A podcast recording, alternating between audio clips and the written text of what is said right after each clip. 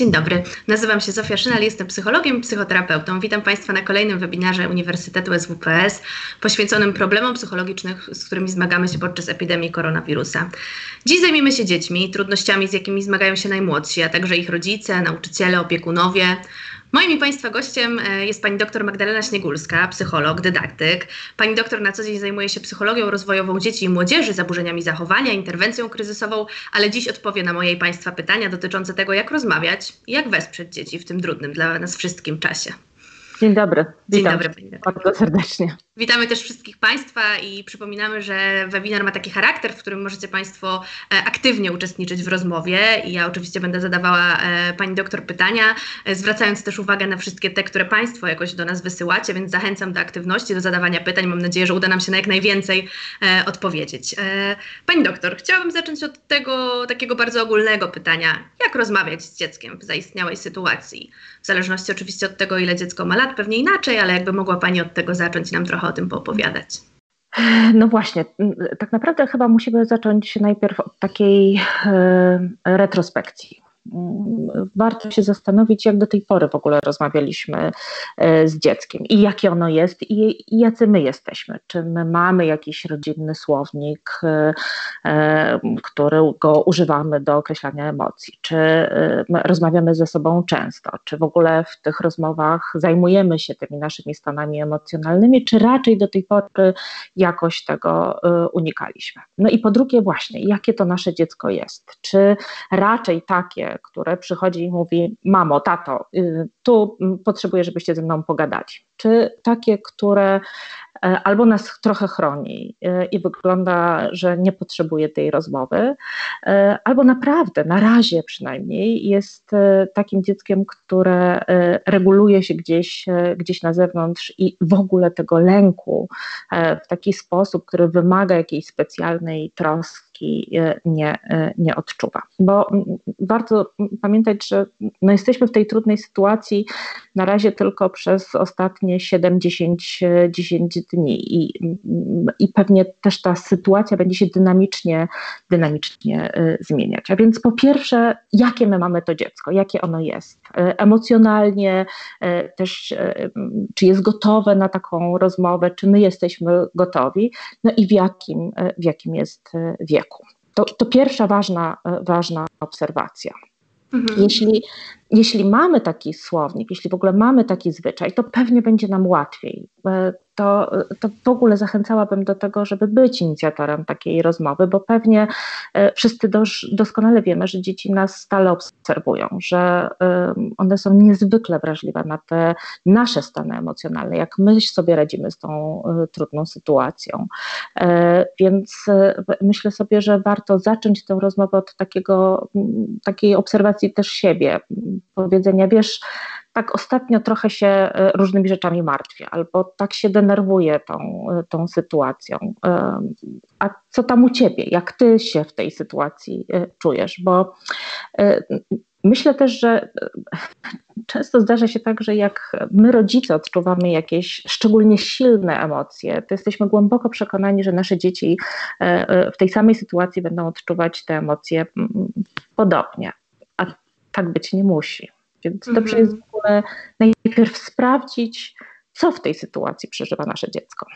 Mhm. A jak już sprawdzimy e, i zorientujemy się, że dziecko przeżywa bardzo trudne mhm. emocje, pewnie przede mhm. wszystkim spodziewalibyśmy się lęku, ale pewnie możemy spotkać się też ze złością, ze smutkiem albo z napięciem, które w ogóle trudno jakoś nazwać i określić.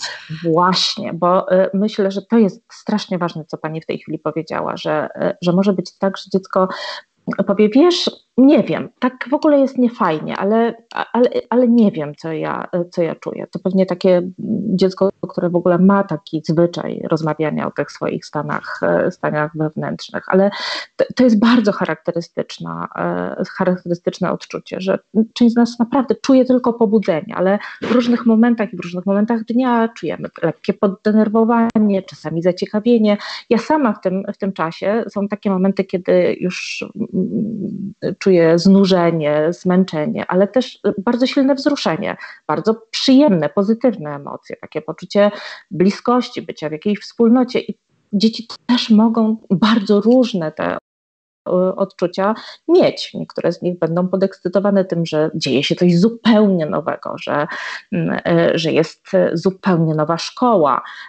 Nie wszystkie będą odbierały to jako stan bardzo trudny. One na razie mogą być w takim, takiej gotowości do tego, żeby, żeby w ogóle przyjrzeć się temu, jaki ten świat jest. I, i to jest super. Znaczy, też chciałabym, żebyśmy mieli jasność, że w tej sytuacji nie ma jednych dobrych emocji, że to nie jest tak, że każdy z nas powinien ten stan przeżywać e, e, w określony sposób. E, to, co jest ważne, to w ogóle, żeby zacząć mieć gotowość na, taką, na takie uważanie na dziecko, na sprawdzanie, co ono przeżywa i w ogóle włączenie tego w taki tryb domowy, w taki plan, żeby był taki moment w ciągu dnia, w którym, w którym sprawdzamy, co się z nami dzieje.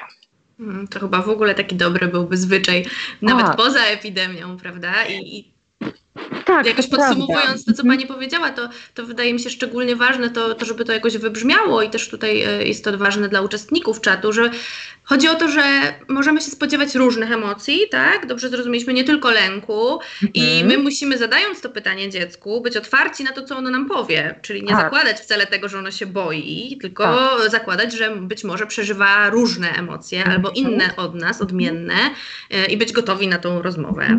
Tak, dlatego bardzo bym zachęcała do tego, żeby wytrzymać to pytanie, to znaczy, żeby nie udzielać dziecku od razu wskazówek e, e, i, i sugestii, jakież to te emocje mogą być. Może my, jeżeli mamy takie poczucie, że w ogóle jest kłopot z rozmawianiem o emocjach, to może zacznijmy od czegoś prostszego, to znaczy najpierw w ogóle porozmawiajmy, jak to jest, e, jakie my w ogóle możemy przeżywać, my jako ludzie, emocje. Możemy sobie obejrzeć film, możemy obejrzeć nasze zdjęcia zdjęcia z różnych okresów i zastanowić się, co ta mina może znaczyć, co ja wtedy czułam, jaką emocję e, e, może być ten początek, zanim zaczniemy e, rozmawiać o tym, co dzieje się tu i teraz.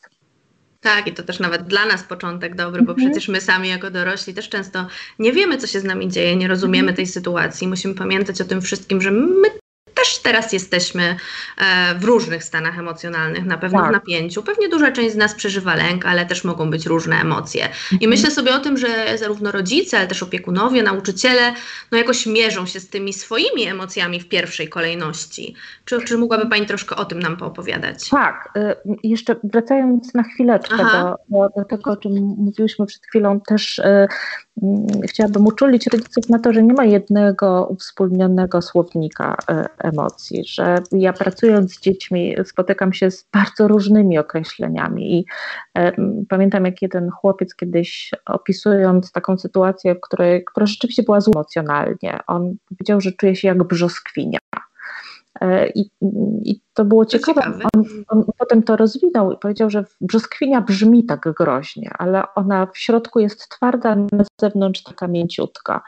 E, I, I to był dobry opis tego, co się, e, co się z nim działo. Więc też bym zachęcała do tego, żeby, żeby być ciekawym tego świata emocjonalnego naszych dzieci, bo one nie jedno nam mogą o nim opowiedzieć. A teraz wracając do mm -hmm. tego, o mhm. czym Pani powiedziała, rzeczywiście to jest strasznie ważne, to znaczy, żebyśmy też obserwowali siebie, to, co się z nami e, dzieje. Też jak rozmawiam teraz z rodzicami, to oni bardzo często mówią, że to jest e, taka huśtawka, że, że mają, są takie momenty, kiedy mają tyle akceptacji, zrozumienia dla trudnej sytuacji swoich dzieci, ale są też takie momenty, kiedy po prostu są na nie wściekli, źli, e, poddenerwowani, że te dzieci trochę ich złoszczą i, i denerwują, że jest tyle innych rzeczy i tyle napięć i jeszcze ogarnięcie tego, e, tego dziecka bywa też dla nich e, trudne. Więc zachęcałabym do tego po pierwsze, żeby takich trudnych rozmów nie przeprowadzać wtedy, kiedy my sami jesteśmy w napięciu, mm, żeby e, zostawić je na taki moment, w którym naprawdę będziemy mogli poświęcić uwagę, czas, swoją energię i też taki spokój jeśli dziecko przychodzi do nas w momencie, kiedy my jesteśmy naprawdę bardzo e, poddenerwowani, dzieją się z nami różne, e, różne rzeczy, to chyba warto też powiedzieć, wiesz, poczekaj, to, to, to, nie jest dobry moment na tę e, rozmowę. To jest strasznie ważne i na pewno do tego wrócimy, ale ja muszę sama sobie różne rzeczy w głowie poukładać, żeby móc Ci sensownie odpowiedzieć na, na te pytania. Daj mi chwilę, daj mi godzinę, wrócimy do tego. Tak, mhm. żeby, żeby mieć też taką, bo myślę, że, że te, to, co jest też bardzo trudne w byciu rodzicem, to to, że część z nas ma taką, takie przekonanie, że musi być gotowa do zaopiekowania się e, sprawami natychmiast, na tu i teraz i musimy znaleźć rozwiązania na wszystko.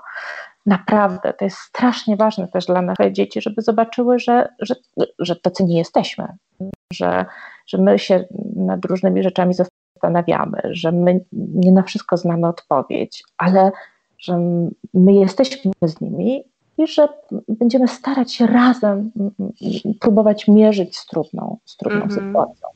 I że jak obiecujemy, że porozmawiamy za jakiś czas, to, to na pewno dotrzymamy słowa. To też jest tak, ważne, nie? żeby tak, nie stosować tego tak. jako unik i liczyć na to, że dziecko gdzieś zapomni, bo, bo wtedy efekt strasznie to jest ważne, o czym Pani powiedziała, ale myślę też, że, y, że my mamy też różne umiejętności, różną gotowość do, do takich rozmów. I naprawdę nie jest niczym złym dać sobie czas na to, żeby sobie to właśnie ułożyć w głowie, przygotować zastanowić się, jak ja w ogóle o tych emocjach chcę e, rozmawiać, co ja sama o nich e, wiem, o moich, e, o innych ludzi, stanach emocjonalnych, co jest dla mnie łatwe, co jest dla mnie, dla mnie trudne. I taka rozmowa z dzieckiem naprawdę może być też taka budująca dla nas.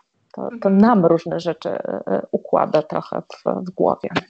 Pani doktor, ale co mają zrobić osoby, które sobie nie radzą same? Mają takie poczucie, że jako dorosły człowiek, jako rodzic, no nie radzą sobie z tą sytuacją. Ja wiem, że są takie osoby i też nie ma się co dziwić, no bo sytuacja tak. jest ekstremalnie trudna i my nie mieli mieliśmy szansę się na nią przygotować i nikt z nas wcześniej czegoś takiego nie przeżył, więc ten lęk wszechobecny jest zrozumiały i, i są mhm. osoby, które sobie z tym e, poradzą lepiej, inne gorzej. Są takie, które mhm. potrzebują tej chwili do namysłu i dadzą sobie tą przestrzeń i będą gotowe na rozmowę z dziećmi, ale wyobrażam sobie, że będą też takie, które nie poczują się w żadnym momencie gotowe na taką rozmowę. I co, co wtedy? E, e, tak, to znaczy ja myślę sobie, że, e, że naprawdę bliska jest mi gdzieś taka, taka metafora, której się często używa w ogóle w sytuacjach pomagania. Kiedy mówimy o tym, nim pomożesz komuś, zadbaj o siebie. To tak jak instrukcja w mhm. samolocie, prawda? Kiedy, kiedy spadają te maski tlenowe, najpierw załóż ją sobie, a potem swojemu dziecku. Mm, w takiej sytuacji, kiedy ja muszę ogarnąć siebie, bo bardzo no, przeżywam trudne momenty, mogę stracić pracę, mogę tracić swoje zdrowie, mogę czuć zagrożenie tego, tego zdrowia i, i udzielenie wsparcia dziecku może być bardzo trudne, wtedy naprawdę sensowne jest pomyślenie, czy jest ktoś w naszym otoczeniu, kto tego wsparcia może udzielić. I naprawdę nie musi być to psycholog, bo mm-hmm. może być to y, bliska ciocia, może być to sąsiadka, która nasze dziecko doskonale e, zna. Może być to starsze e, e, rodzeństwo, które jest zdecydowanie starsze i już różne rzeczy wie. Poszukanie takiej osoby może być bardzo, bardzo pomocne i czasami nawet w różnych sytuacjach lepsze niż rozmowa z rodzicem, szczególnie w kontekście takich dzieci, które mają taką potrzebę chronienia spełnienia rodzica, mm. które uważają, że on, no właśnie... Nie chcą dodatkowo martwić rodziców. Tak, mm. tak, tak, że, że, że to może tego rodzica przeciążyć, gdy ta osoba z zewnątrz może być niezwykle e, pomocna. E, I też bym zachęcała do tego, żeby nie bać się być taką zewnętrzną osobą, że to chodzi o to, żeby żeby się skupić na, tych, na tym, co to dziecko ma, ma nam do powiedzenia, jak, jak ono widzi tę sytuację, żeby mogło nam ją e, opisać. I, i naprawdę to też nie jest tak, że my musimy znać rady e, i wszystkie rozwiązania. Takie wspólne zastanawianie się z dzieckiem, co ono mogłoby zrobić w takiej sytuacji trudnej dla niego, może być niezwykle twórcze i pomocne. Mhm. A Pani doktor, jak jesteśmy przy tej rozmowie o tym, jak rozmawiać z dziećmi, to padają takie pytania i też no, mi też one się z automatu nasywają. E, I to jest jakoś taki temat, który zawsze poruszamy, jak dużo mówić dzieciom, czy o czym mówić dzieciom. Natomiast no, teraz jest to szczególnie znowu ważne i nasilone. E, czy to jest tak, że powinniśmy udzielać dzieciom wszelkich informacji, o które pytają, czy jakoś mhm. chronić ich? Mhm. E, no wiadomo, że te, te też no, wiadomości, e, telewizja, radio, no, no, to, to, to, gdzieś się dzieje, poza tym no, tak. trudno, żeby nie zauważyć, że coś się dzieje. Natomiast jeżeli tak. chodzi o dostęp do informacji, o ilość tych informacji, jak czytamy o tym, jak zachować takie zdrowie psychiczne na różnych internetowych poradnikach, no to jest napisane nie czytaj, nie nakręcaj się, nie wchodź na, cały czas na te wiadomości, tylko sprawdzone źródła, a a jak chronić przed tym dziecko i jak tą informacją mm, tutaj Właśnie. zarządzać? Y, mm, znowu odwołam się do tego, od czego zaczęłam. Najpierw zaobserwujmy, jakie my mamy to dziecko, bo są takie dzieci, które bardzo uważnie słuchają, które same wyszukują informacji, które y, no, widzimy, że nakręcają się tą, tą liczbą złych, złych doniesień, a równocześnie cały czas szukają i szukają i szukają. Takie dzieci, które mówią, nie chcę już o tym słuchać, w ogóle nie mów do mnie, wyłącz ten, ten telewizor, które same trochę próbują regulować ten, e, e, to, co wiedzą. Więc e, ważne jest w ogóle sprawdzenie, co ono wie. To naprawdę zapytajmy się, a co ty wiesz? Co, co sobie myślisz o tej sytuacji? Co wiesz, co się w tej chwili dzieje? To nam bardzo pomoże zweryfikować, zweryfikować w ogóle z jakim obszarem wiedzy my mamy do czynienia. E, I, mm, I myślę, że e, w takiej sytuacji też e, ważne jest, no właśnie, teraz takie dzieci, które poszukują, nakręcają się, rośnie to bardzo w, w głowie, to tutaj zadanie rodziców niezwykle ważne i trudne. Ograniczamy robimy wszystko, żeby tych treści w naszym domu było jak najmniej. Jeśli my sami potrzebujemy y, cały czas być na bieżąco, po pierwsze, bardzo ważne to, co Pani powiedziała, zachęcamy do tego, żeby mm -hmm. jednak ograniczać, ale jeśli mamy z tym kłopot, to musimy przede wszystkim zadbać, żeby, żeby te treści nie docierały do, do, do dziecka. Ale z drugiej strony też y, i zalecenia WHO, i zalecenia Amerykańskiego Towarzystwa mm, Psychologicznego są takie, informacja jest ważna. Czy my musimy powiedzieć e, dziecku e, różne, e, różne rzeczy? Na przykład tutaj też bardzo pomocne mogą być różnego rodzaju prezentacje, które są dostępne dla dzieci na social mediach. Mhm. One są naprawdę bardzo fajne. Są, jest całkiem sporo filmów, plansz informacyjnych, które w przystępny sposób tłumaczą tę sytuację one mogą być podstawą do dyskusji. To znaczy, możemy dowiedzieć się, co dziecko wie, obejrzeć sobie razem taki film i zastanowić się, czy jest jeszcze coś, co byś chciał y, wiedzieć. I też pamiętać o tym, że na różne pytania będziemy mówić, no nie wiem. No, I że to... mamy prawo nie wiedzieć. Tak, tak, tak. To też jest bardzo ważne, jest że, że my możemy nie wiedzieć. Ważne. Tak. Mhm. Tym bardziej, że to jest prawda, bo w rzeczywistości nie wiemy. Nie wiemy, jak będzie mhm. wyglądała ta sytuacja za chwilę yy, i jakoś yy, udając przed dzieckiem, że jest inaczej, no to, to, to byłoby to chyba nieszczere i nie, niedobre dla niego. Tak, yy, co więcej, rzeczywiście czasami rodzice myślą, że to, co buduje poczucie bezpieczeństwa, to właśnie taki rodzic wszechwiedzący. Tymczasem, i to też badania pokazują, rodzic uczciwy jest dużo bardziej bezpieczny. To znaczy właśnie taka sytuacja, w której rodzic czasami powie nie wiem, albo poszukajmy razem, e, sprawdźmy e, to, ale też nauczenia się akceptowania no, no, tej niewiedzy, taka tolerancja na niepewność e, jest nam bardzo, bardzo potrzebna i to jest taka kompetencja, Przyda się w przyszłości, która, prawda? Tak, która jest naprawdę bardzo, bardzo cenna. Mhm. Bardzo dziękuję za tą odpowiedź. To chciałabym jeszcze tylko tak dopytać, czy na pewno, e, bo tutaj e, widzę, że Państwo jakoś to, mhm. to, to pytanie szczególnie nurtuje.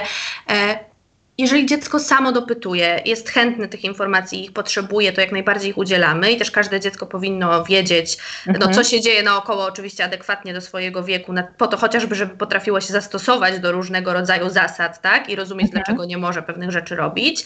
Natomiast jeżeli mamy do czynienia z dzieckiem, które bardzo przeżywa wszystkie te informacje i bardzo ich chłonie, czyli tak samo jak niektórzy dorośli, że jakoś e, no, wpływa to na jego stan emocjonalny, budzi niepokój, powoduje, że dziecko cały czas poszukuje tych informacji, dzieli się nimi naokoło, czyli można to zaobserwować, mhm. no to wówczas zadaniem rodzica jest jakoś ograniczyć. Powiedzenie stop, to jest bardzo ważne. To znaczy, my też tak funkcjonujemy, my, my dorośli, że czasami w napięciu wcale nie zachowujemy się w sposób, który jest e, adaptacyjny i racjonalny, tylko to właśnie w tym, w tym lęku zaczynam poszukiwać coraz więcej informacji. I, i tutaj czytam o zgonach, tutaj e, o, o narastającej epidemii, tutaj brakuje e, strzykawek, to zobaczę jeszcze tutaj. I szukam tych informacji, choć wcale to nie jest dla mnie y, dobre.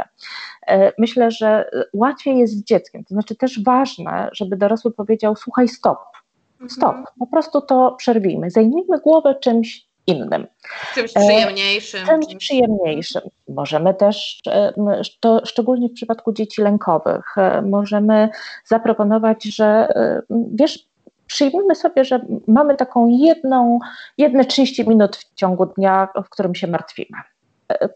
Ustalmy, że to jest 18.30. Teraz to nie jest ten moment. Na 18.30 przerzucamy wszystkie nasze y, martwiące myśli. Y, no i efekt tego często jest taki, że o tej 18.30 wcale nie musimy się tak, y, tak już martwić, ale to też daje kontrolę bo w tej sytuacji naprawdę to, co jest bardzo obciążające również dla dzieci, to to, że, że ten świat wokół przestaje być przewidywalny, że one zaczynają, że nie ma żadnych stałych e, punktów. Wprowadzenie takiej rutyny, e, nawet w obszarze tego martwienia, jest już e, też pomocne. Mhm, technika takiego 20 e, minut dziennie na martwienie się, tak. to też dorosłym mhm. możemy polecić, mhm. prawda? Bo to, mhm. to tak w ogóle dobrze gdzieś tam e, chyba działa, stosuje się też w terapii, e, czasem w przypadku osób, które jakoś nadmiernie się zamartwiają o swoją przyszłość i borykają się z zaburzeniami lękowymi. Pani tak. doktor, a... Ale, ale, tak? Bo jeszcze jedna rzecz mi przyszła do, do, do, głowy, że, że oczywiście bardzo łatwo to powiedzieć, ale to na pewno wymaga treningu. To, to nie jest tak, że ja powiem mojemu dziecku, martwimy się od 17.30 i ona mówi, a aha, okej, okay, e, to ja się już teraz przestaję, e, przestaję martwić. To znaczy kolejne zadanie polega na tym, żeby, żeby mu pomóc właśnie w, tym, w tych pozostałych godzinach się, e, się nie martwić. I tutaj naprawdę po pierwsze znowu zachęcam do tego, żeby pogadać z dziećmi. One są niezwykle kreatywne i mają różne pomysły na to, co można zrobić z głową, żeby zajęła się czymś innym. Ale też taką fajną techniką jest technika, która pewnie też znana jest e, dorosłym, taka związana z pewną uważnością, e, z, z mindfulness. Okej, okay, to nie myślimy, ale po pierwsze powiedz mi, powiedz mi szybciutko, nazwij mi pięć rzeczy, które widzisz Nazwij je dokładnie, opisz je.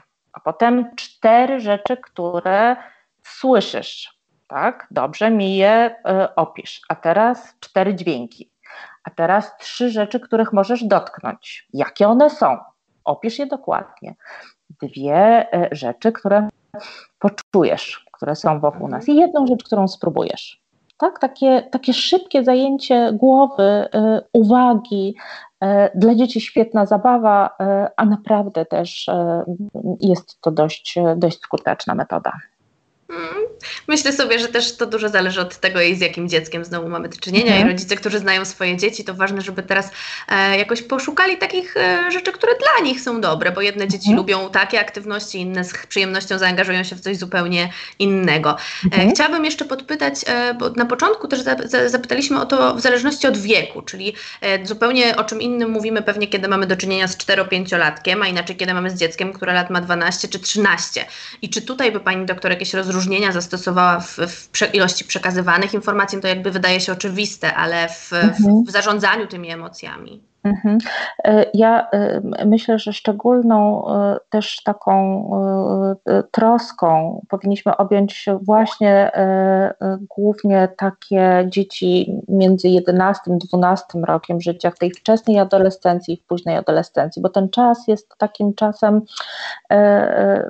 dla nich silnego poczucia utraty wolności, ograniczenia. No, tam mogą się pojawiać różne e, bardzo e, reakcje. Młodsze dzieci, e, łatwiej nam z nimi kooperować, łatwiej z nich ich przekonać do różnych rzeczy, a też te badania psychologiczne, zalecenia WHO bardzo wyraźnie mówią o tym, że w takich czasach w czasach ograniczenia naszej mobilności, wymuszonej kwarantanny, właściwie minimalizowanie skutków negatywnych wtedy, kiedy my poczujemy, że to zostanie w domu, to ograniczenie jest jednak naszym wyborem, mhm. że my tego dokonujemy tego wyboru i y, porozmawianie z nastolatkiem właśnie o tym, że on, że on też robi coś dobrego nie tylko dla nas albo dla siebie, ale też dla innych pokazanie, jak to jest ważne w tej, w tej konkretnej sytuacji. że dokonanie takiego wyboru, ja rezygnuję, rezygnuję z, z wychodzenia, rezygnuję z różnych aktywności, to nie jest łatwo oczywiście i to może w ogóle być procesem. Możemy podejmować kilka czy kilkanaście rozmów z, z nastolatkiem, ale bycie gotowym na to, że on się buntuje i złości, że dla niego to jest trudne, wydaje mi się w tej sytuacji niezwykle ważne. Mhm.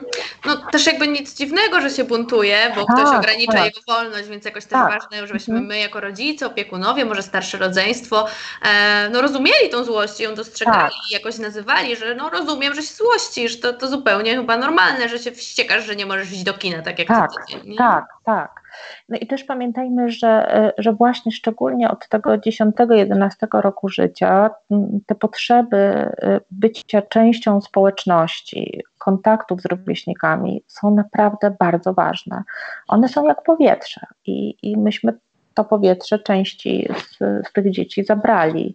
E, dlatego warto jest pomyśleć o tym, jak jako to powietrze chociaż na miastkę y, zadbać, jak sprawić, żeby oni mogli się kontaktować ze sobą, nie tylko pisząc, ale żeby mogli się obejrzeć na tym Skype'ie, czy na Messengerze, czy na Whatsappie, żeby... To, chyba zaczęła Pani odpowiadać na kolejne jakieś pytanie, to ja mhm. tu jeszcze dopowiem, żebyśmy miały całość. Y, mhm. No właśnie, bo pytanie dotyczy tego, jak wesprzeć dziecko, mhm. które traci właśnie rówieśników, ale traci też szkołę, aktywności różnego rodzaju. Mhm. Dzieci chodzą na różne zajęcia dodatkowe, uprawiają sporty, spotykają się właśnie z rówieśnikami y, i to jest jakaś chyba coś, o czym, o czym zaczęła Pani mówić, więc chciałam jeszcze dodać.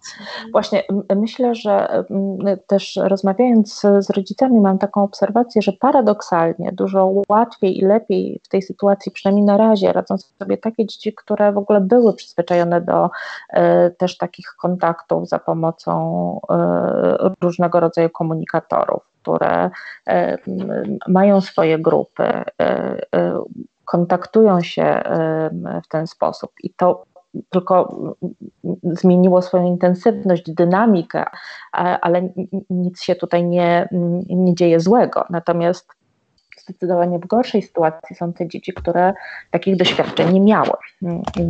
One muszą tworzyć na nowo siebie w, tym, w, tym, w tej nowej przestrzeni, i tutaj bardzo jest potrzebna pomoc e, rodzica i też takiego zrozumienia i zaakceptowania, bo być może do tej pory uważałem, że y, w moim domu nie ma miejsca na e, elektronikę. Być może nie chciałem, żeby moje dziecko się kontaktowało z rówieśnikami e, za pomocą Skype'a czy Facebooka. Myślę, że to jest taki moment, w którym my musimy trochę przeformułować nasze oczekiwania i, i, i potrzeby, bo tego kontaktu. Bo jeszcze się okaże, że sami tego Skype'a i Facebooka będziemy potrzebować. Tak, i oni naprawdę tego strasznie potrzebują. I to jest ciekawe, bo część e, dzieci już mi mówi o tym, że, e, że nawet jak piszą do, sobie, do siebie SMS-y albo maile, to to nie jest to samo, e, co sytuacja, w której mogą się zobaczyć mogą sobie popatrzeć, poprowadzić się na taki wirtualny spacer po domu. E, obejrzeć swoje koty nawzajem. E, to oczywiście jest namiastka, ale strasznie ważna. I, I też tutaj znowu chyba to są zalecenia WHO, które mówi o tym, te kontakty e, rówieśnicze powinny być przynajmniej godzinne. Więc warto, warto o to zadbać i warto o tym pamiętać. Czyli jakoś znaleźliśmy się w takiej sytuacji, w której będziemy zachęcać nasze dzieci tak. czy młodsze rodzeństwo do tak. tego, żeby usiadło już trochę przed tym komputerem albo wzięło ten tablet czy telefon do ręki i trochę e, pokorzystało z internetu więcej. To taka mhm. niespotykana no, no, sytuacja. Właśnie, no właśnie i myślę, że, że to jest też w ogóle bardzo, bardzo ważny temat i ważny obszar, bo dla części, e, dla części rodziców to, e, to będzie taka sytuacja, w której będą musieli się mierzyć z tymi lękami związanymi z tym użytkowaniem elektroniki. E, myślę i też bym zachęcała do tego, żeby, e, żeby się po pierwsze pamiętać o tym, że, mm, że to jest tylko narzędzie e, i że tego narzędzia można używać dobrze lub troszkę gorzej, że ono samo w sobie nie jest niczym, niczym złym, że jak my wiemy, co się dzieje z naszymi dziećmi w sieci, jak im w tym towarzyszymy, to minimalizujemy też różne skutki uboczne. I bardzo mi się podoba, bo Amerykańska Akademia Pediatryczna mm, skonstruowała taki rodzaj aplikacji, w której, w której rodzice mogą wpisać wiek dziecka, różne aktywności, które ono w ciągu dnia e, ma. Ta aplikacja wymusza przynajmniej godzinną aktywność fizyczną w ciągu, w ciągu dnia i przynajmniej 10-godzinny sen. Natomiast po wprowadzeniu tych różnych aktywności, które e, dla nas z perspektywy rodzica są strasznie ważne, żeby dziecko miało, dostajemy konkretną informację, ile czasu e, dziecko może poświęcić na, na ekrany.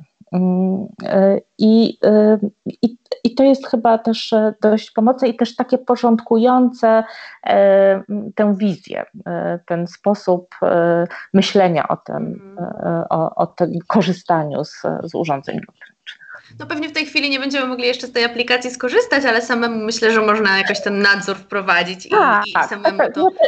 Ja myślę sobie, że ja bym zachęcała, to się nazywa, zaraz spojrzę, bo gdzieś sobie to e, wypisałam, e, żeby Państwu o tym e, powiedzieć, ale nie wiem, czy, czy w tej chwili to tak szybko. Media Time Calculator.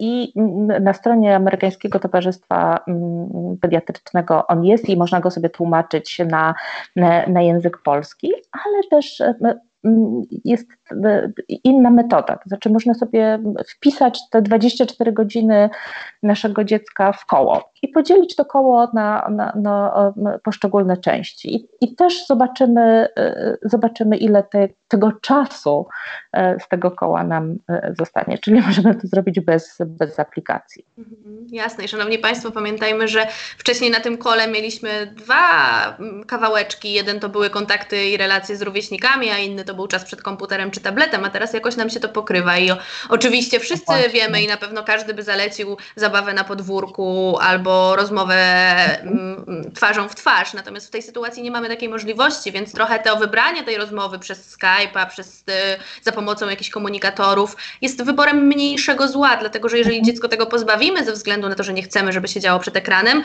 to z kolei no, pozbawiamy go, go czegoś bardzo ważnego, y, relacji rówieśniczych, które są mu w tym momencie szczególnie potrzebne, czy tak? Strasznie ważne, co Pani powiedziała, tak. Mhm. Tak, absolutnie. Pani mhm. doktor, to, to, to, jeszcze tutaj zauważyłam, że się pojawia takie pytanie. Wspomniała Pani o tarczach, na których, y, o, o takich, y, ja, ja, tak zrozumiałam, jakichś plakatach, czy takich w internecie, że natknęła się Pani na takie e, jakieś informacyjne treści, które można mhm. dzieciom przekazać. Czy, czy mogłaby mhm. Pani e, naszych widzów odesłać do jakiegoś konkretnego źródła, gdyby chcieli skorzystać?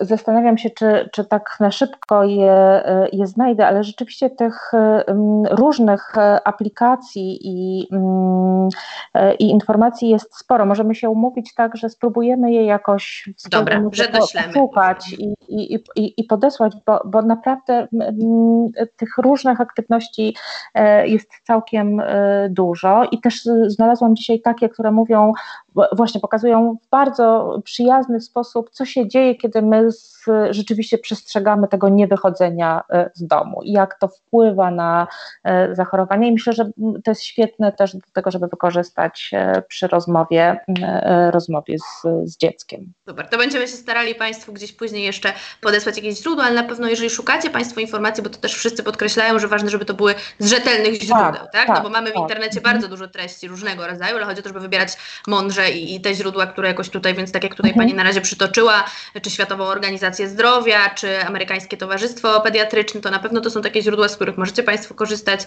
e, i na pewno te treści, które przez te instytucje są udostępniane, to, to są rzetelne informacje, tak, z których warto, i, warto korzystać. Po, polecamy. Mhm. mhm. E, pani doktor, to przejdźmy do kolejnego pytania. E, jak rodzeństwo może się wzajemnie wspierać? Jak te relacje pomiędzy, pomiędzy rodzeństwem, które też pewnie są w tym momencie e, no, narażone na różne mhm. trudności, jesteśmy ze sobą non-stop, okazuje się, że mamy jeden pokój, że ten mój młodszy brat, którego tam widzę tylko przez chwilę, jednak a jak teraz mi siedzi cały dzień i skacze po głowie, to mi bardzo dokucza i przeszkadza. Albo też czujemy bardzo dużo troski, opieki w stosunku mhm. do takiego młodszego rodzeństwa, chcielibyśmy jakoś pomóc jak w relacjach rówieśniczych, e, w rodzeństwie możemy mhm. sobie radzić? No, y, y, myślę, że y, doskonale Pani to zobrazowała, mówiąc o tym, że, że te relacje są naprawdę bardzo różne. Ja mam dwóch młodszych braci, więc. No właśnie. I, I pewnie odpowiedź na to trochę zależy właśnie od tego, jaka ta relacja jest. Ja bym chciała zwrócić uwagę na dwie rzeczy. Po pierwsze, żeby rodzice mm, nie obciążali starszego rodzeństwa nadmiernie młodszymi to jest e, kuszące i czasami potrzebne, ale pamiętajmy, że, że dla wszystkich to jest trudna sytuacja i żebyśmy pamiętali też o tym, że te dzieci, e, bycie rodzeństwem jest w ogóle dość specyficzną e, sytuacją. W związku z tym musimy też zadbać o to, żeby te dzieci miały szansę troszeczkę się od siebie oddzielić. Jeśli nie mamy takich warunków, że no nie wiem, że nie, ma, nie możemy ich odesłać każdego do swojego pokoju, to być może możemy je, ich odesłać w różne części tego, e, tego pokoju i, i, i rzeczywiście zadbać o ten komfort i to bycie przez chwilę poza, poza tą diadą. To, to jest mhm. istotne. Też, tak, jakoś zadać im też, być może pomóc im zarządzić tą przestrzenią, tak? tak? Że teraz tak. ty jesteś tutaj i ty się możesz bawić, a później się zamienicie, ale to też chyba dotyczy znowu dorosłych, że, tak. że my też musimy się sami czasem od siebie odizolować, kiedy jesteśmy w takich no trudnych właśnie. warunkach.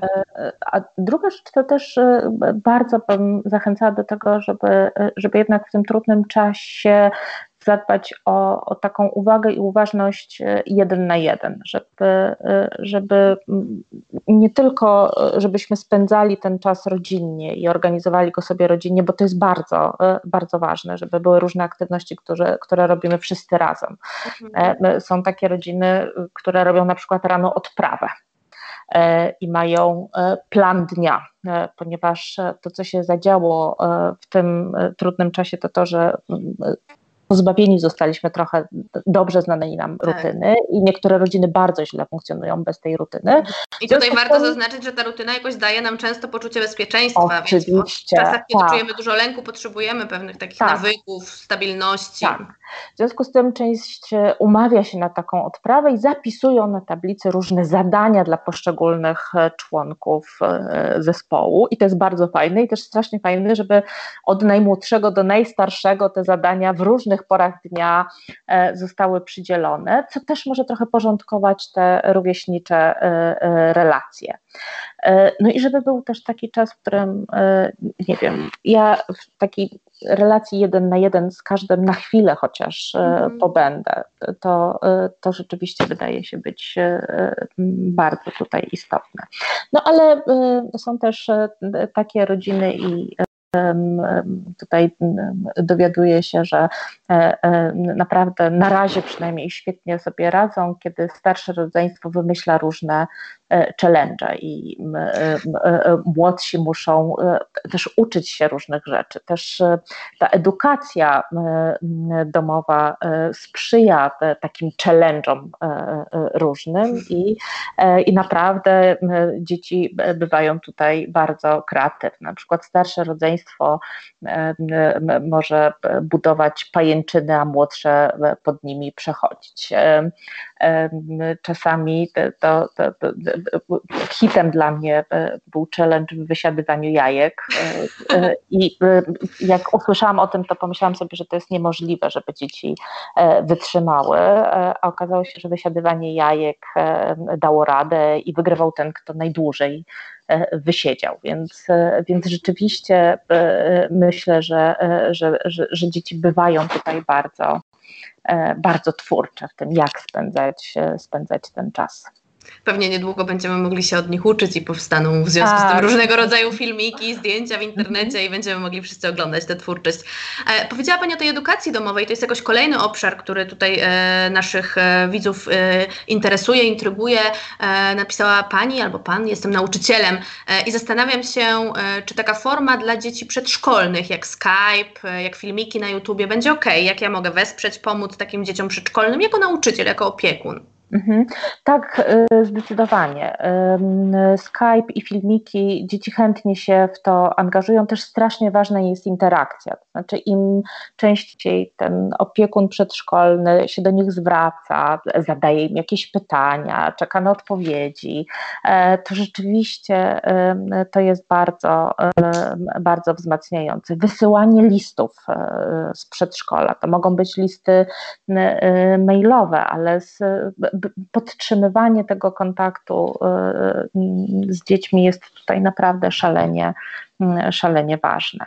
Mhm. Czyli jak rozumiem, dla tych młodszych dzieci chodzi o taką formę, w której zachodzi interakcja pomiędzy tak. tym ekranem, tak? E, Im jest też pewnie trudniej skupić uwagę, utrzymać mhm. tą uwagę i mogą się czuć bardziej nieswojo niż nastolatki, które na co dzień korzystają przecież. Zdecydowanie też ten czas uwagowy będzie krótszy, y, i, ale chodzi o podtrzymanie tego, tego bycia razem, o ten kontakt, o to, żeby, żeby ten pan z przedszkola czy pani z przedszkola tak zupełnie nie zginęli, żeby, żeby byli, bo pamiętajmy, że to jest często najważniejsza osoba w życiu, y, w życiu dziecka. To jest ten moment, kiedy kiedy w, tej przestrzeni rozwojowej e, robi się miejsce bardzo ważne właśnie na, na tego nauczyciela przedszkolnego, który zaczyna pokazywać, e, pokazywać świat i utrata kontaktu z nim może być naprawdę bardzo trudna.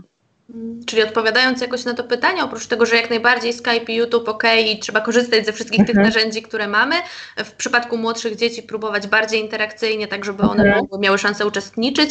E, no i że jakoś ten kontakt jest szalenie ważny, więc chyba wszystko, co ten nauczyciel wymyśli, żeby ten kontakt podtrzymać, czy nagra krótką wiadomość dla tych dzieci, którą rodzice przecież mogą im czy odsłuchać, czy wyświetlić przez telefon. Mamy teraz naprawdę w tym całym nieszczęściu bardzo dużo szczęścia, że jest tak wiele narzędzi i, i, i możliwości, które umożliwiają nam e, no, no, te kontakty. Tak, choć musimy też pamiętać o tym, że to e, nie jest medium równościowe. To znaczy, że musimy pamiętać, że są takie dzieci i takie rodziny, e, które będą miały ten dostęp do, e, do internetu ograniczony. I, I to jest wyzwanie. I tutaj szczególnie takie osoby powinniśmy się jakoś zastanowić, jak do nich, e, do nich dotrzeć. E, pamiętam, jak moja córka była mała i chodziła do przedszkola, to rzeczywiście dla niej strasznie ważne były listy, które do tego, z tego przedszkola do niej docierały w sytuacji, kiedy była chora albo kiedy przez dłuższy czas nas nie było w, w kraju. To było dla niej bardzo ważne i w ogóle dla dzieci bardzo bym zachęcała też do, do takiej formy. List taki ze skrzynki może być też bardzo, bardzo pomocny. Pani doktor, pojawiło się też takie pytanie trochę innego rodzaju. Jak wesprzeć nastolatka, który werbalizuje lęk przed śmiercią? Jak z nim rozmawiać? I ja jakoś do tego chciałabym też dołożyć mhm. takie pytanie w ogóle kiedy, bo, bo na początku już o tym pomyślałam, jak Pani powiedziała, że to wcale też dzieckiem, o tym, co się dzieje naokoło niego, to wcale nie musi być psycholog.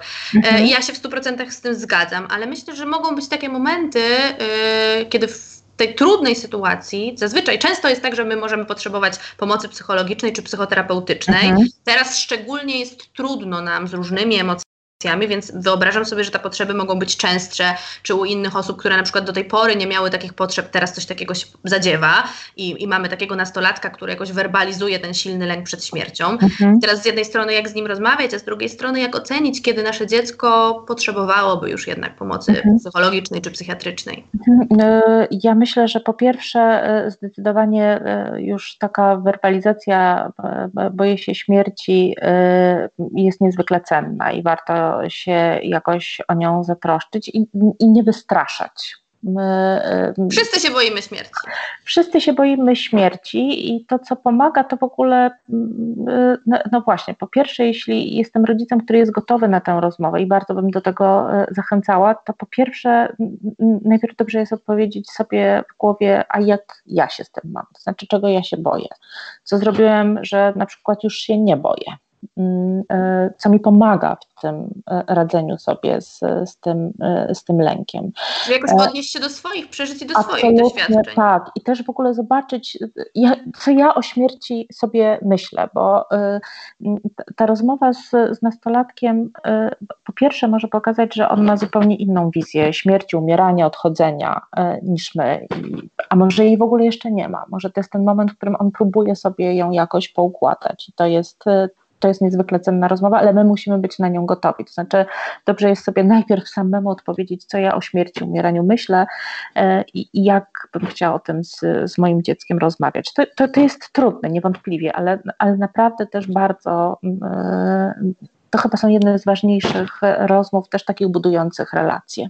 Po drugie, dobrze jest e, zastanowić się, co za tym lękiem przed śmiercią się kryje. Co, o, o co to jest lęk tak naprawdę? O, o, o to, że coś stracę, no i wtedy możemy rozmawiać o wartościach, e, czy to jest realne poczucie zagrożenia, i wtedy też możemy znowu sięgnąć do, mm, e, do twardych dowodów, bo w tej sytuacji kiedy mówimy na przykład i kiedy słyszymy dziecko mówi, ja się boję, że ja się zarażę tym, tym wirusem i umrę, to obejrzenie sobie danych i statystyk i zobaczenie, e, jak realne, na ile realne jest to, że rzeczywiście mi się coś stanie, może być bardzo e, odbarczające i, i takie e, uspokajające. Ale czasami to jest po prostu sytuacja, która otwiera różne lęki, które za tym lękiem przed śmiercią są. I to może być dobry moment, żeby, żeby sobie żeby o tym porozmawiać. porozmawiać.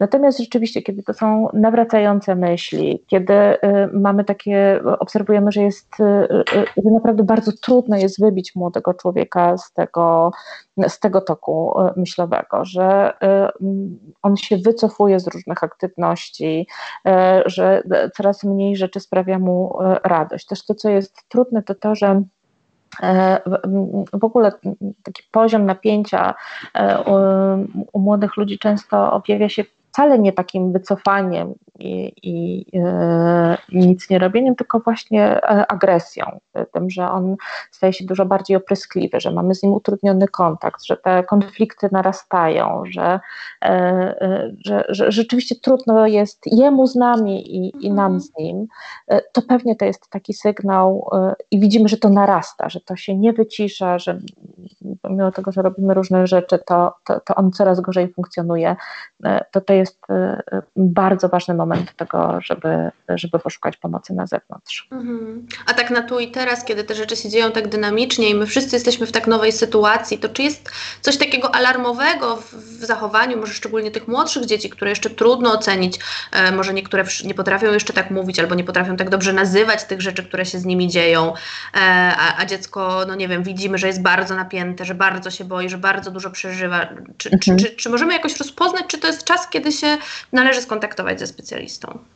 Y, no, no, pewnie możemy. To znaczy, y, y, w przypadku małych dzieci w ogóle wszelkie formy regresu. Jak my widzimy, że, że coś było, w, dziecko osiągnęło jakiś stopień rozwoju i nagle to traci, dużo płacze, wycofuje się, ma taką tendencję do przylegania, przybierania do, do dorosłego, że trudno jest go e, czymś zająć, uspokoić i, e, i utulić, że, e, że popłakuje, że pojawiają się jakieś kłopoty ze strony też takie kłopoty somatyczne, to niewątpliwie to jest sygnał, że, że trzeba udzielić dziecku i nam też wsparcia. Wsparcia wtedy. Szanowni Państwo, to w pierwszej kolejności zachęcamy do kontaktu telefonicznego ze specjalistą e, i, i opisania objawów, porozmawiania przez telefon, bo być może wizyta w żadnej przychodni e, czy gabinecie nie będzie potrzebna. Mhm. Na ten moment robimy wszystko, żeby jak najmniej e, mhm. wychodzić z domu. E, właśnie, myślę sobie, że to jest też strasznie ważne, e, o czym, o czym Pani powiedziała. To znaczy, żebyśmy pamiętali, że, że to jest bardzo trudna sytuacja i głównie myślimy, że ona jest trudna psychologicznie, ale w tym czasie nasze dzieci mogą po prostu zachorować, e, mogą mieć silną alergię, mogą mieć zaburzenia metaboliczne, mogą pojawić się objawy, które wydają nam się objawami e, ze strony e, psyche, a tak naprawdę przede wszystkim musimy zawsze sprawdzić, czy my w ogóle mamy zdrowe dziecko. Czy Pewnie, to, to zawsze. Mhm. Pani doktor, to jeszcze takie pytanie e, dotyczące jakoś e, rodziców, którzy no, dzielą opiekę nad dziećmi. Mm, mhm. Wiemy, że jest wiele takich rodzin, w których ta opieka jest jakoś naprzemienna. E, mieliśmy pytanie od takiego e, pana, który mieszka za granicą i do tej pory nie było problemu z regularnymi spotkaniami, natomiast no, teraz granice państwa są zamknięte, e, a niektórzy mieszkają w Polsce i mają podobną sytuację tak. e, i, i, to jest jakoś e, trudne, myślę, no bo z mhm. jednej strony wiadomo, że chcielibyśmy, żeby to dziecko miało kontakt z obojgiem rodziców, nawet jako rodzice, e, ale też jako społeczeństwo. O tym wiemy, że tak jest dobrze, więc wszyscy łatwo sobie odpowiadamy na to pytanie. Natomiast w momencie, kiedy e, wchodzi też no, ta druga sprawa dotycząca tego, że powinniśmy unikać chodzenia, wychodzenia, spotykania się z kolejnymi osobami, to co tutaj można zrobić? No, zdecydowanie musimy pamiętać, że to jest sytuacja wyższej konieczności. Absolutnie zachęcałabym do tego, żeby ograniczyć e, e, przemieszczanie e, dzieci, mm, że jeśli ono utknęło u jednego z rodziców, to, to może trzeba sobie powiedzieć, że tam ma przynajmniej na czas jakiś być. Natomiast strasznie ważne, żeby tej sytuacji nie wykorzystywać. Znaczy, żeby mhm. zadbać o to, żeby tym bardziej w tym czasie ten kontakt z drugim rodzicem e, był. Właśnie chociażby poprzez e, Skype'a. Zalecenia WHO są tutaj bardzo jasne. Dwa razy dziennie kontakt z rodzicem, przynajmniej telefoniczny, żeby, żeby tę relację podtrzymać. Więc tak, bardzo, bardzo to jest istotne. Czyli raczej nie stosować te, te, tej zmiany mieszkań, zmiany domów w tej chwili, nawet ci, którzy mają taką możliwość, e, ale pamiętać o tym, że, że to jest szczególnie ważne, żeby ten kontakt teraz utrzymać, bo dzieci są w trudnej sytuacji, więc tak. tym bardziej potrzebują tego rodzica, do którego kontaktu są przyzwyczajeni. I szczególnie bym tutaj apelowała do Państwa, żeby e, przynajmniej w tej sytuacji pamiętać o tym, że ten nasz były partner jest też e, przede wszystkim rodzicem i że do tego rodzica to nasze dziecko potrzebuje. Może nie był najlepszym partnerem, ale e, no, no jest rodzicem naszego e, dziecka, takiego żeśmy mu wybrali e, i, i, i trzeba zrobić wszystko, żeby ten kontakt był jak najlepszy. Pani doktor, to jeszcze ostatnie pytanie. Chciałabym zapytać e, trochę z drugiej perspektywy. No wyobrażam sobie, że trudno może być z trójką dzieci w, w 50-metrowym mieszkaniu, kiedy jeszcze trzeba e, prowadzić home office, e, wykonywać swoje normalne obowiązki i kiedy samemu też jest się w trudnej sytuacji emocjonalnej, takiej psychologicznej. Co my możemy dla siebie zrobić, żeby być później lepszymi opiekunami, rodzicami dla naszych dzieci? No strasznie ważne, żebyśmy o siebie e, zadbali, żebyśmy dbali o to, żeby docierały do nas e, nie tylko negatywne, ale też pozytywne e, treści, żebyśmy pamiętali, że też badania psychologiczne bardzo wyraźnie podkreślają, że wcale nie jest dobrym rodzicem taki rodzic, który jest na stałe dostępny dla, dla dziecka. E, ten model sprawdza się tak mniej więcej do trzeciego roku życia, ale po tym czasie naprawdę dobry rodzic to jest taki, który pozwala temu dziecku pobyć e, w samotności, który pozwala mu też na początku zmierzyć się samodzielnie z różną e, trudnością, z wyzwaniem codzienności. On jest obok i mówi: Stoję za tobą i ci pomogę, ale, ale nie muszę być cały czas. Więc naprawdę jest ok, kiedy my od czasu do czasu e, zrobimy coś tylko e, dla siebie i pobędziemy tylko e, ze sobą. Być może w tym czasie będzie to możliwe tylko w łazience, ale, ale o tę łazienkę nawet też, też zadbajmy. Zadbajmy o to, żeby, żeby tę naszą głowę też czymś zająć, żebyśmy mieli dostępną listę rzeczy, które sprawiają nam przyjemność e, i, i, i mogli do niej, e, do niej sięgnąć. E, zadbajmy o siebie, żeby, żeby móc być dobrym opiekunem swojego, swojego dziecka. Bardzo dziękuję Pani doktor. Myślę, że y, to jest chyba szczególnie ważne, żebyśmy zadbali o siebie, żeby być dobrymi opiekunami dla dzieci, ale też dlatego, że my też jesteśmy ważni, że dorośli też są ważni e, i nasze, nasze stany emocjonalne są, nie pozostają obojętne w stosunku do dzieci, ale też do, do, do innych ludzi naokoło. Ja, ja myślę, że ja bym zwróciła uwagę jeszcze na e, dwa aspekty tej sytuacji. Po pierwsze, mm, i to jest wątek, który przejawia się w różnych badaniach, różnych metaanalizach, e, które odwołują się w tej chwili do takiego dobrostanu, to znaczy co zrobić, żeby ten dobrostan zachować w tej trudnej sytuacji. I okazuje się, że jednym z takich bardzo ważnych elementów jest poczucie wspólnoty i też odwoływanie się do tego, że to, co ja robię w tej chwili, może nie jest najfajniejsze i nie najlepsze dla mnie, ale jest zachowaniem altruistycznym. Znaczy, ja robię coś dla wspólnego dobra mhm. i to naprawdę nas buduje. Ten altruizm, ta świadomość tego, że ja dokonuję pewnego wyboru, jest tutaj bardzo, bardzo cenna. No i druga rzecz, chciałabym, żebyście Państwo o siebie zadbali, bo, bo to nie jest sprint, to jest maraton. To trochę potrwa i naprawdę musimy zachować siły do końca. I tego bardzo wszystkim nam, sobie i Państwu życzę i bardzo mocno trzymam kciuki. Bardzo dziękuję Pani doktor. To ja się jakoś przyłączam do życzeń Pani doktor i, i też bardzo serdecznie Państwu wszystkim dziękuję za udział w dzisiejszym spotkaniu, za aktywność. To też jakoś świadczy o tym, że jesteśmy wszyscy razem, że, tak. że się wspieramy i my też jesteśmy dla Państwa, e, ale Państwa pytania tworzą jakby e, tę rozmowę, więc, więc jeszcze raz serdecznie dziękuję. No i do zobaczenia podczas kolejnych spotkań. Do widzenia. Dziękuję Pani doktor. Dziękuję bardzo.